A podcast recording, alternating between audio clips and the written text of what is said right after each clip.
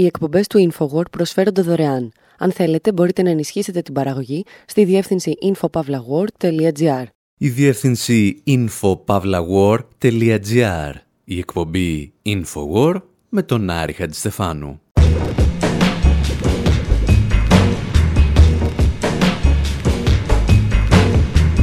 Όπου σήμερα ακούμε πέντε τραγούδια για τις πέντε δεκαετίες που πέρασαν από τη στιγμή που τραβήχτηκε μία από τις σημαντικότερες φωτογραφίες του 20ου αιώνα, το κορίτσι των Ναπάλμ.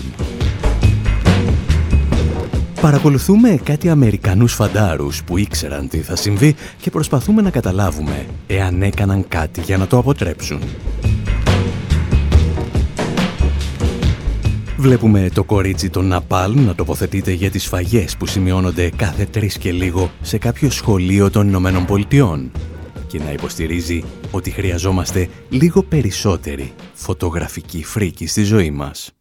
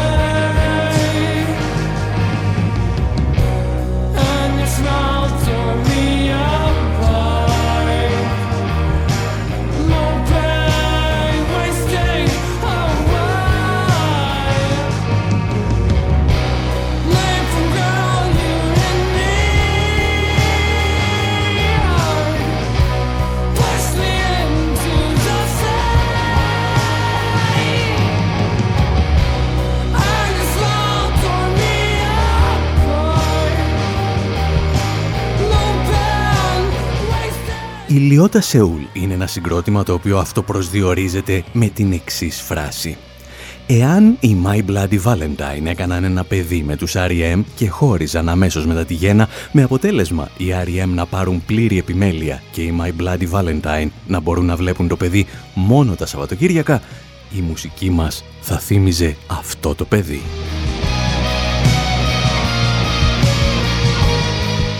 Δεν ξέρουμε τι καταλάβατε εσείς, αλλά εμείς υποθέτουμε ότι είναι μια εναλλακτική ροκ μπάντα με αναφορές στη δεκαετία του 80 και μερικές δυνατές πινελιές πολιτικούς στίχους στα τραγούδια τους. Το συγκεκριμένο τραγούδι, παραδείγματος χάρη, ενώ δεν είναι σε καμία περίπτωση πολιτικό, δανείζεται στοιχεία από την ιστορία ενός πολέμου γιατί ο τίτλος του είναι Napalm Girl, το κορίτσι των Napalm. Το κορίτσι των Napalm είναι φυσικά η Fan Thi Kim Fook, η οποία σε ηλικία 9 ετών γνώρισε τον απόλυτο τρόμο όταν οι δυνάμεις του Νότιου Βιετνάμ, δηλαδή οι συνεργάτες των Ηνωμένων Πολιτειών, βομβάρδισαν μια περιοχή κοντά στο Trunk Bank όπου ζούσε. Οι εμπριστικές βόμβες Ναπάλμ που έριχναν προκάλεσαν εγκάβματα τρίτου βαθμού στο κοριτσάκι, το οποίο νοσηλεύτηκε για 14 μήνες σε νοσοκομεία προκειμένου να παραμείνει στη ζωή. Η φωτογραφία που τράβηξε τότε ο φωτορεπόρτερ του Associated Press Nick Wood παρά τις αρχικές επιφυλάξεις των Αμερικανικών εφημερίδων τελικά δημοσιεύτηκε. Κέρδισε μάλιστα το βραβείο Pulitzer και το βραβείο World Press Photo για το 1972. Πώς αντέδρασε η Ουάσιγκτον στη δημοσίευση; Από τις μυστικές μαγνητοφωνήσεις στο Λευκό Οίκο γνωρίζουμε ότι ο πρόεδρος Νίξον εξοργίστηκε. Η πρώτη του σκέψη μάλιστα ήταν ότι η φωτογραφία είναι στημένη. «Μπορεί και να είναι», του απάντησε ο διευθυντής του Λευκού Οίκου, Χάρι Χάλτενμαν, που ποτέ δεν του χαλούσε χατήρι. Γιατί σε όλες τις χώρες υπάρχουν ορισμένα ανθρωπόμορφα κτίνη που πιστεύουν ότι όλα τα θύματα καταστροφών για τα οποία ευθύνεται η κυβέρνησή τους είναι είτε ηθοποιοί ή επαγγελματίες τραυματίες. Εμείς πάλι θέλουμε σήμερα να αποδείξουμε ότι ο Νίξον γνώριζε πολύ καλά ότι τα παιδιά καίγονται ζωντανά στο Βιετνάμ από τις εμπριστικές βόμβες Ναπάλμ και δεν ήταν ηθοποιοί. Και ο λόγος για τον οποίο το ήξερε ήταν ότι το τραγουδούσαν οι φαντάροι του στην πρώτη γραμμή της μάχης, με στιχάκια σαν και αυτά.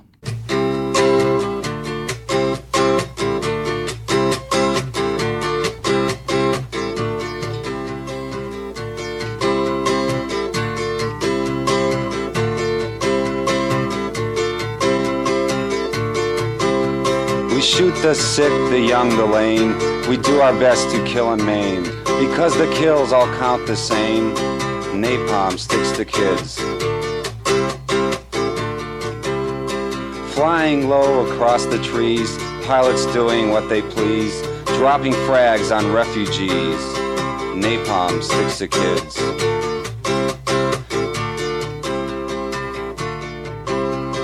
Flying low and looking mean, see that family by the stream. Drop some nape and hear them scream. Napalm sticks to kids.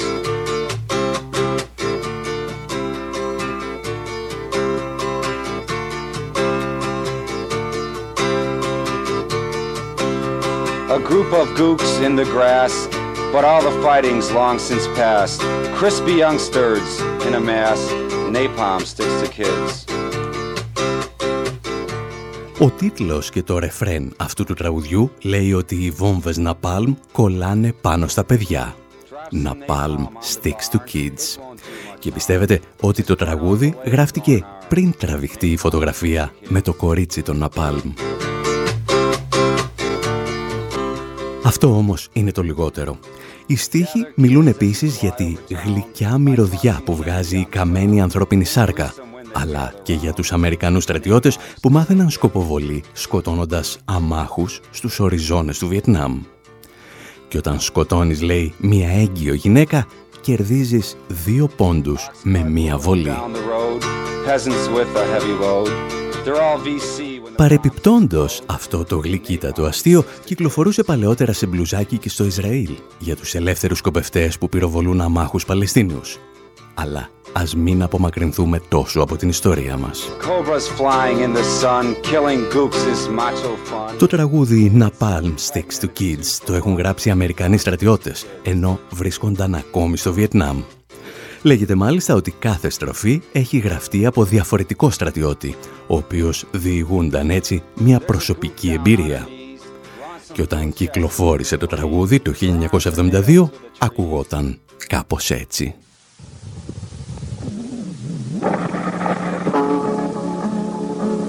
Shoot the sick, the young, and the lame. We do our best to kill and maim because the kills all count the same.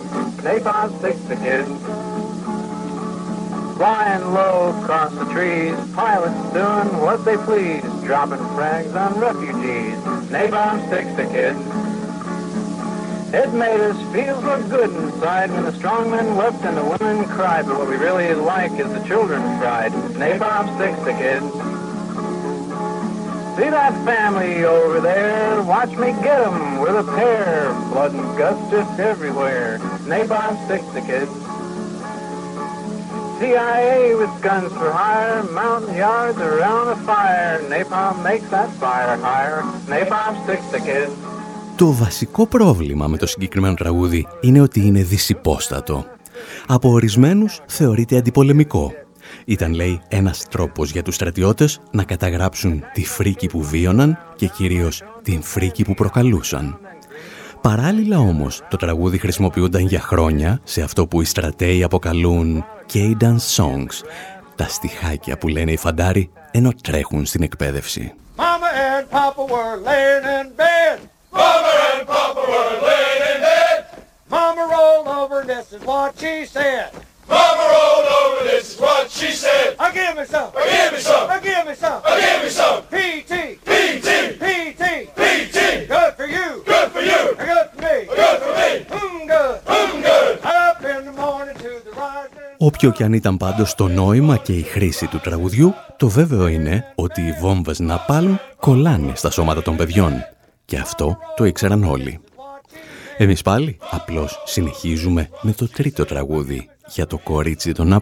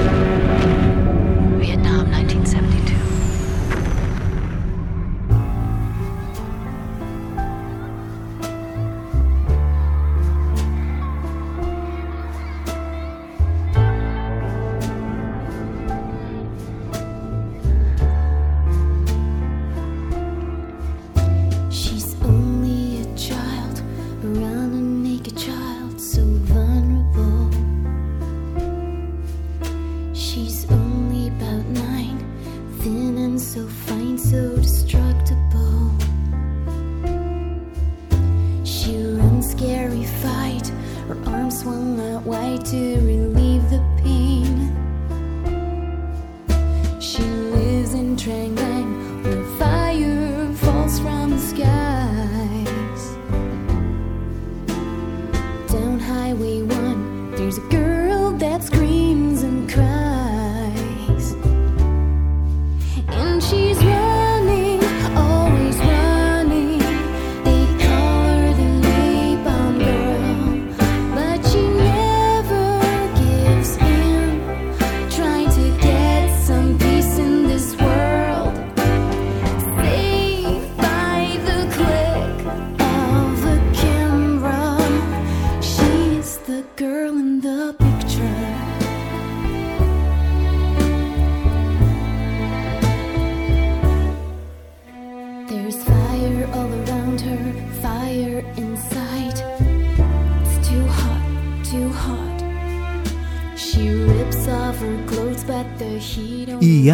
διασκευάζει ένα τραγούδι του Eric Gertz με τίτλο «Το κορίτσι στη φωτογραφία» και αναφέρεται φυσικά στη φωτογραφία με το κορίτσι των Ναπάλμ.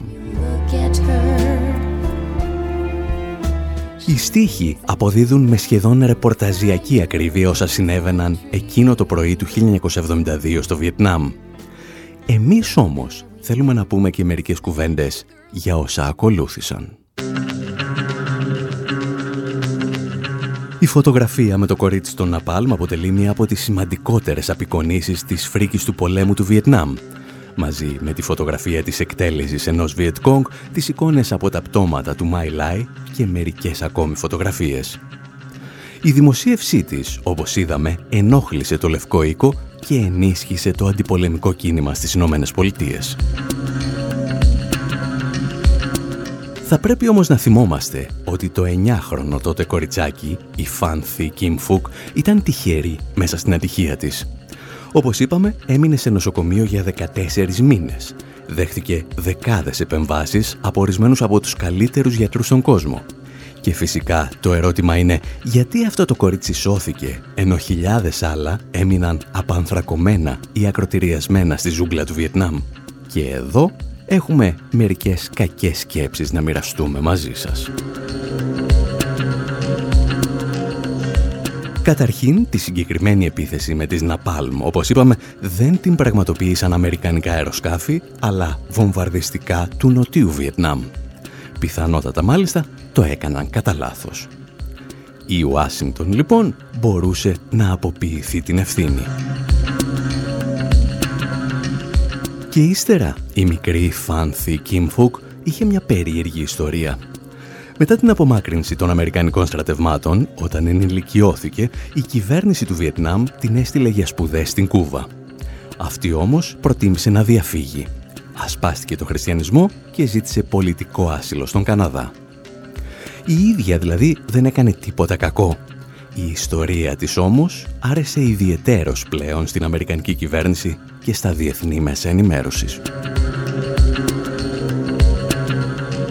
Όπως θα δούμε όμως, το κορίτσι των Ναπάλμ έρχεται σήμερα να δυσαρεστήσει και πάλι το πολιτικό κατεστημένο των Ηνωμένων Πολιτειών. Θα τα συζητήσουμε ύστερα από αυτό. Fill the car with all the ammunition you can get. We'll storm the gates of heaven, God is dead. We met at a strange time of my dead inside, yet still alive. Hostages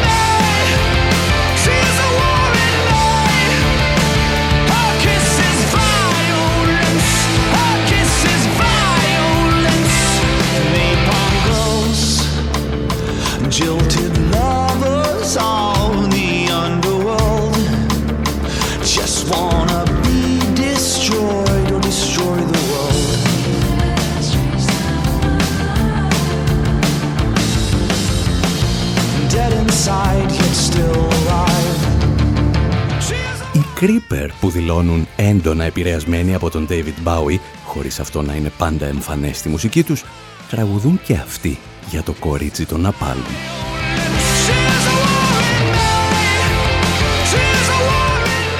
Για άλλη μια φορά, το τραγούδι καταλήγει να είναι ερωτικό, αλλά εμπεριέχει μερικά στοιχεία που θα μας φανούν χρήσιμα.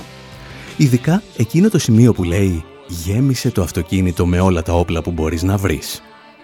Και αυτό, πιστεύουμε, δεν είναι μια καλή ιδέα. This has been a special report from ABC News.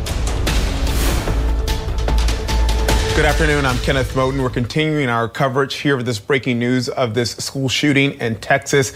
Multiple sources confirmed to ABC News that an 18 year old male suspect is dead Στις 24 Μαΐου του 2022, τα Αμερικανικά Μέσα Ενημέρωσης διακόπτουν το πρόγραμμά τους για να μεταδώσουν μία είδηση που αποτελεί πλέον ρεπορτάζ ρουτίνας στις Ηνωμένες Πολιτείες.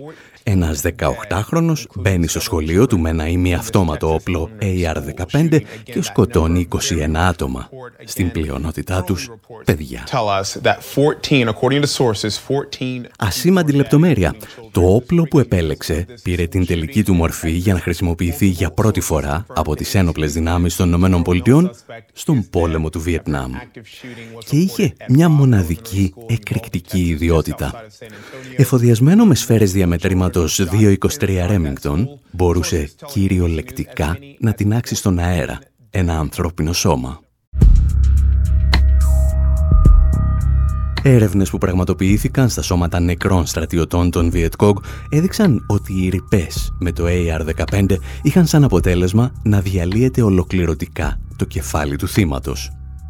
Και αυτό το όπλο το αγόρασε ένα παιδί στο Τέξας σαν δώρο στον εαυτό του για την ημέρα που έκλεισε τα 18 του χρόνια.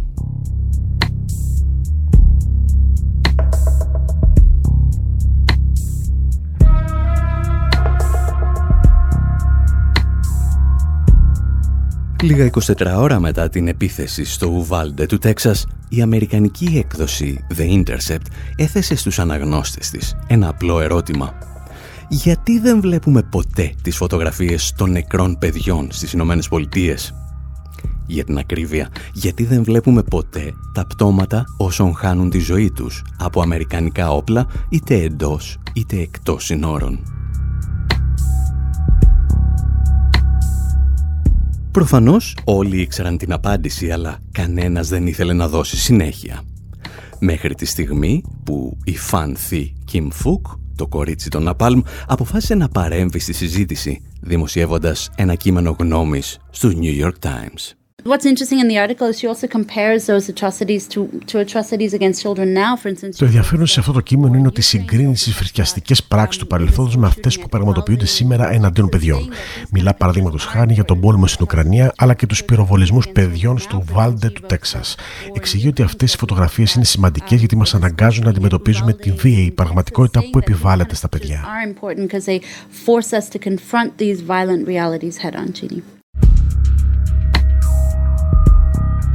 Στο κείμενό της στους New York Times, το κορίτσι των Ναπάλμ έγραψε μεταξύ άλλων και το εξής. Το να παρουσιάσεις τις φωτογραφίες των νεκρών παιδιών ίσως φαντάζει αδιανόητο. Πρέπει όμως να τις αντιμετωπίσουμε. Είναι πολύ εύκολο να κρύβεσαι από την πραγματικότητα του πολέμου εάν δεν βλέπεις τις συνέπειες του.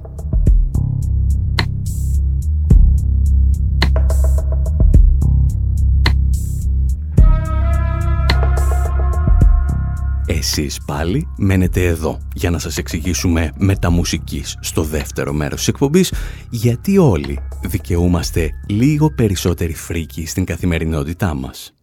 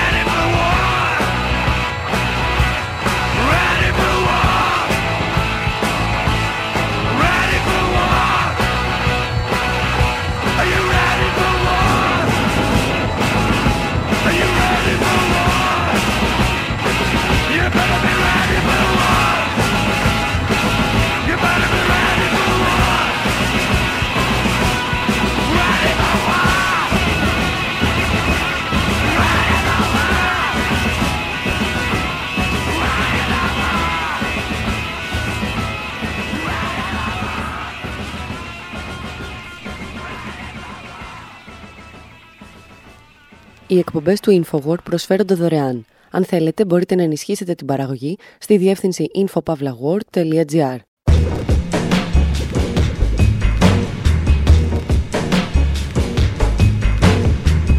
Εκπομπής InfoWord, μέρος δεύτερο.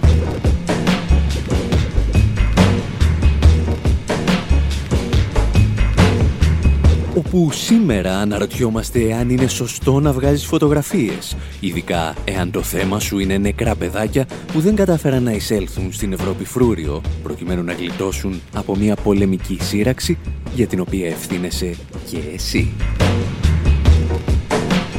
Αφήνουμε τους κλάς να κλαίνε με λιγμούς μπροστά στις κιθάρες των Iron Maiden και εμείς περπατάμε αμέριμνοι στη λεωφόρο του θανάτου, συντροφιά με τον Ρόμπερτ Φίσκ. Ακούμε ιστορίες φωτορεπόρτερ που σήκωσαν την κάμερα την κατάλληλη στιγμή και έσωσαν ανθρώπινες ζωές και άλλους που το έκαναν και ύστερα το μετάνιωσαν. Συζητάμε δηλαδή για τα όρια της δημοσιογραφίας σε καιρούς πολέμου.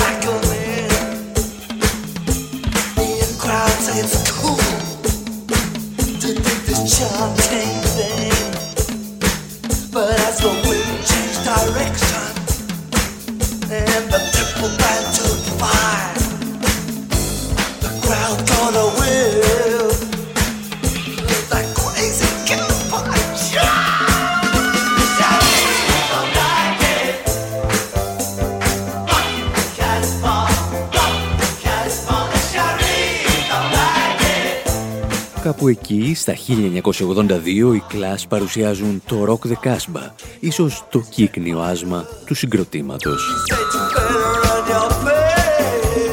Τραγουδούν για αυταρχικούς Άραβες ηγέτες που δεν θέλουν να ακούν ροκ μουσική. Και τη λύση στο δράμα δίνουν οι πιλότοι μαχητικών αεροσκαφών που βομβαρδίζουν κατοικημένες περιοχές ανάμεσα στους μιναρέδες. Το πρόβλημα όμως, όπως γνωρίζετε με τους κλάς, είναι ότι δεν τραγουδούσαν για το παρελθόν, αλλά συνήθως προέβλεπαν το μέλλον. Αν με το τραγούδι τους The Guns of Brixton προέβλεψαν τις αναταραχές στο Brixton του Λονδίνου, με το Rock the Casbah προέβλεψαν ότι 10 χρόνια αργότερα κάποιοι πιλότοι πολεμικών αεροσκαφών θα άκουγαν την ίδια μουσική ενώ βομβάρδιζαν κατοικημένες περιοχές ανάμεσα στους μιναρέδες της Βαγδάτης.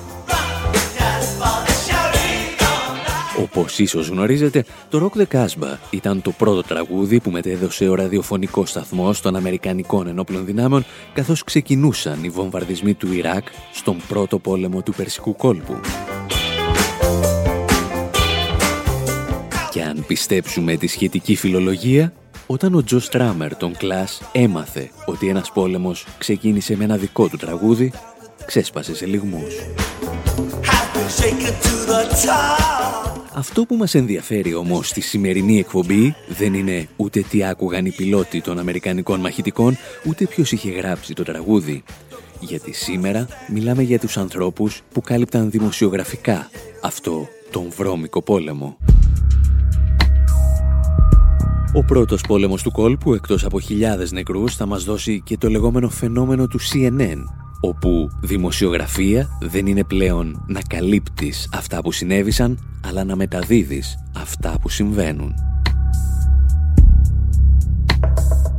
Όσοι έχετε διαβάσει το βιβλίο «Η εποχή των άκρων» θα θυμάστε ότι ο Έρικ Χόψμπαουμ έκανε μια διάκριση στις πολεμικές αναμετρήσεις ανάλογα με το κατά πόσο ο πληθυσμός μιας χώρας γνώριζε τι συνέβαινε στα πεδία των μαχών.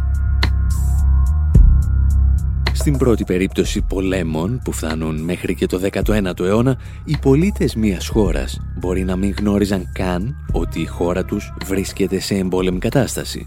Αντιθέτως, ο 20ος αιώνας θα μας δώσει τους ολοκληρωτικούς πολέμους.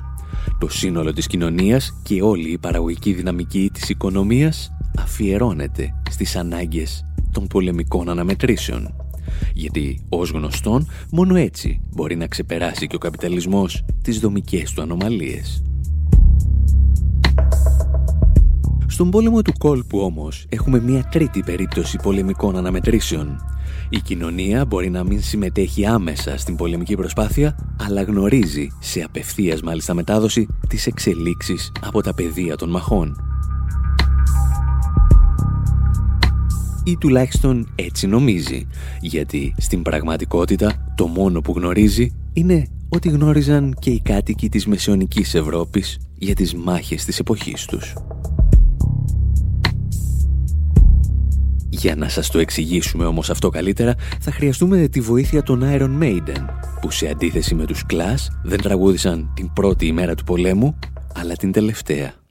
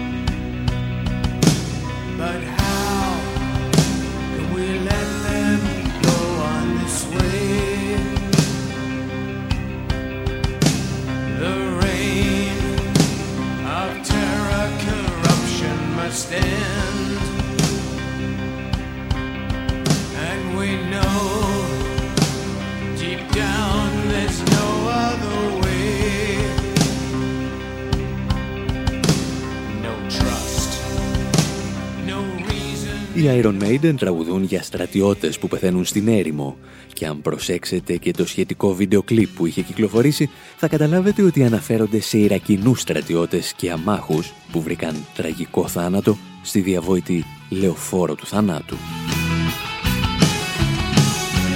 Η λεωφόρος του θανάτου ήταν ο αυτοκινητόδρομος 80 που συνέδεε την πόλη του Κουβέιτ με το Ιράκ και συγκεκριμένα με τη Βασόρα. Στις 26 Φεβρουαρίου του 1991 οι Ιρακινές δυνάμεις αποχωρούσαν από το Κουβέιτ, όπως όριζε η απόφαση 660 των Ηνωμένων Εθνών. Μαζί τους αποχωρούσαν από το Κουβέιτ και χιλιάδες πρόσφυγες, κυρίως γυναίκες και παιδιά που κινούνταν κατά μήκος του παράλληλου αυτοκινητόδρομου 8. Και εκείνη την ημέρα οι Ηνωμένες Πολιτείες και ο Καναδάς αποφάσισαν να μας θυμίσουν τι σημαίνει αμερικανικός πολιτισμός. Τι σημαίνει να επιτίθεσαι πισόπλατα σε κάποιον που έχει σηκώσει ουσιαστικά τη λευκή σημαία και παραδίδεται. Μαχητικά του Πενταγώνου επιτέθηκαν στην αυτοκίνητο πομπή καταστρέφοντας περίπου 2.500 οχήματα Σύμφωνα με ορισμένες εκτιμήσεις, ο αριθμός των θυμάτων ξεπέρασε τους 10.000 ανθρώπους. Ο βετεράνος πολεμικός ανταποκριτής Ρόμπερτ Φίσκ πέρασε με αυτοκίνητο από τη λεωφόρο του θανάτου λίγες μόλις ώρες μετά την επίθεση και οι εικόνες που είδαν έμειναν για πάντα ανεξίτηλα χαραγμένες στη μνήμη του. Είδα τα αμερικανικά στρατεύματα να σκοτώνουν γυναίκες και παιδιά στη λεγόμενη λεωφόρο του θανάτου και μάλιστα σε ένα παράπλευρο δρόμο όπου θα υπήρχαν περισσότερα θύματα εάν δεν το είχαμε κινηματογραφήσει. Είχαν κοπεί σε κομμάτια και γίνονταν τροφή για τα σκυλιά. Ήταν ώρα μεσημεριανού, βλέπετε, και τα σκυλιά της ερήμου είχαν καταφθάσει.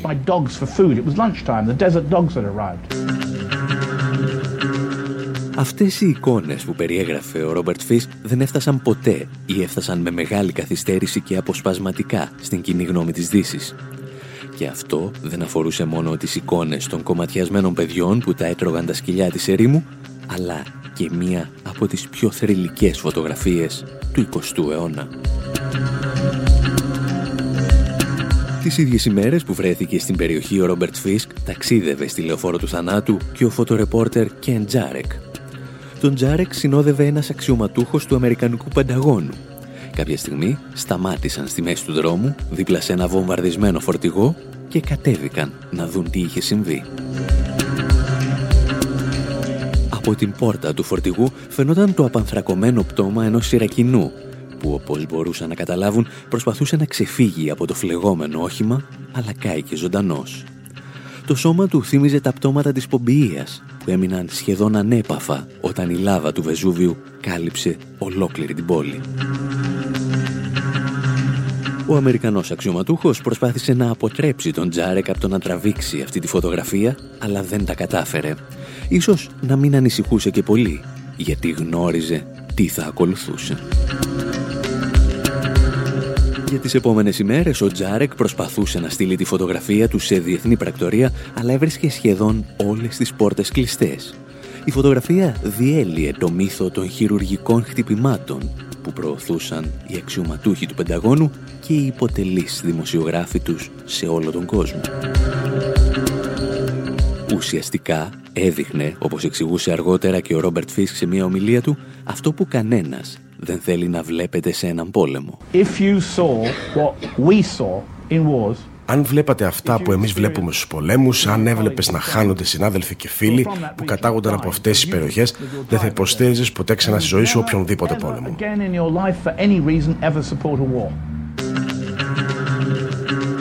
Η φωτογραφία του απανθρακωμένου Ιρακινού περιλάμβανε όλα αυτά που εσείς λοιπόν δεν πρέπει να βλέπετε.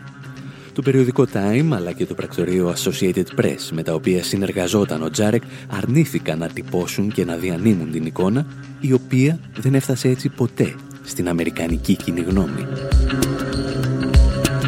Ο πόλεμος του κόλπου έπρεπε να παραμείνει στο συλλογικό υποσυνείδητο της δύσης σαν ένα video game στο οποίο υπάρχουν καλοί και κακοί, νικητές και ιτημένοι αλλά δεν υπάρχουν ποτέ νεκροί στρατιώτες και διαμελισμένα πτώματα αμάχων. Για να στηριχθεί όμως αυτή η απόκρυψη πληροφοριών έπρεπε να διαμορφωθούν και τα κατάλληλα επιχειρήματα. Γιατί δηλαδή ένας δημοσιογράφος και ένας φωτορεπόρτερ οφείλουν να προστατεύουν, λέει, την κοινή γνώμη από τις εικόνες των πολέμων. Θα τα εξηγήσουμε εντός ολίγου.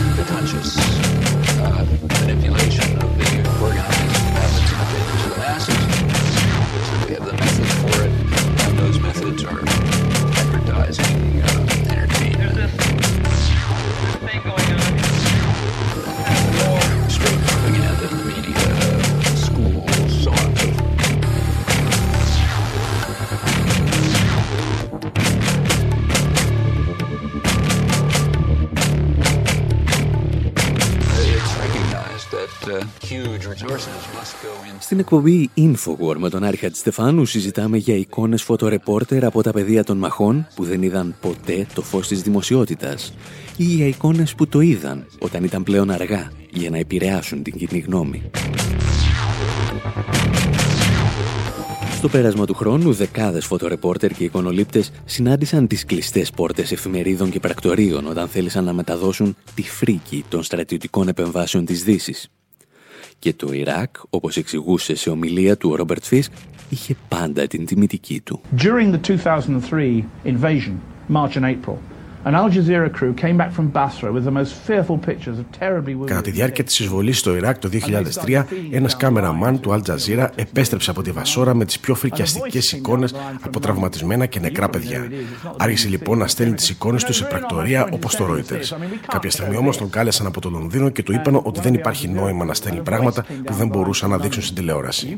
Ο εικονολήπτη του Al Jazeera του είπε: Σας παρακαλώ, πρέπει να τα δείξετε. Αυτά συμβαίνουν εδώ. Και η φωνή στο τηλέφωνο του απάντησε. Δεν μπορούμε να τα δείξουμε. Είναι η ώρα για το απογευματινό τσάι και σε κάθε περίπτωση αυτό που στέλνεις είναι ένα είδος πορνογραφίας. And then the guy came back and said, We can't show this sort of thing, it's tea time. And anyway, he said, It's a kind of pornography. Ο Ρόμπερτ Φίσκ ήταν αυτίκος μάρτυρας, καθώς ο κάμεραμαν του Αλτζαζίρα προσπαθούσε να δημοσιεύσει το συγκλονιστικό υλικό που είχε στη διάθεσή του και ήταν εκεί όταν η φωνή, στην άλλη άκρη της τηλεφωνικής γραμμής, χρησιμοποίησε και ένα επιχείρημα που ακούμε όλο και συχνότερα και στις μέρες μας. Ότι οι αρχισυντάκτες και οι φωτοέντιτορ δεν οφείλουν απλώς να προστατεύουν τους θεατές και τους αναγνώστες τους από εικόνες φρίγης, αλλά και τη μνήμη των θυμάτων.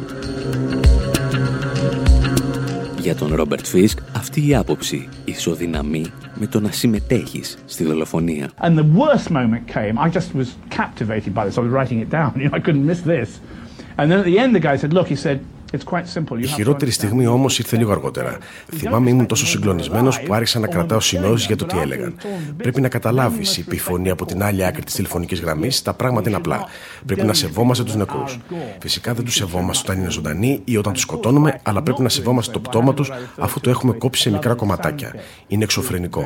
Αν δεν δείχνουμε αυτές τις εικόνες, αν παρουσιάζουμε ανέμακ τους πολέμους και περιγράφουμε τις μάχες με διηγήσεις συνταξιούχων στρατηγών, απλώς τυφλώνουμε τους θεατές, τους αναγνώστες και τους ακροατέ. Αυτό ακριβώς ήθελαν να κάνουμε οι Μπούς και οι Τόνι Μπλερ αυτού του κόσμου. Με αυτόν τον τρόπο γινόμαστε και εμείς δολοφονικοί.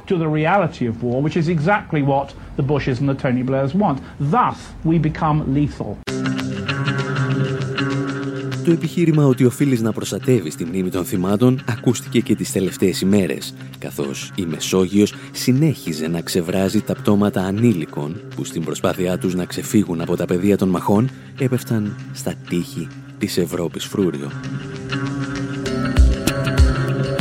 Παραδόξως, οι πρώτοι που μας κατηγόρησαν ότι δημοσιεύαμε τις φωτογραφίες αυτών των παιδιών στο Infowar ήταν ορισμένα από τα πιο γνωστά νεοφιλελεύθερα τρόλ. Το μόνο φυσικά που τους ενδιέφερε ήταν να προστατεύσουν την Ευρωπαϊκή Ένωση και την δολοφονική πολιτική της απέναντι στους πρόσφυγες και τους μετανάστες. Και όπως ξέρουμε, οι άνθρωποι που είναι διατεθειμένοι να βάλουν μια νομισματική ένωση με ψήγματα πολιτικής ενοποίησης πάνω από τους ανθρώπους, είναι ικανοί να κάνουν τα πάντα. Δεν είχαν και δεν θα έχουν ποτέ κανέναν ηθικό φραγμό.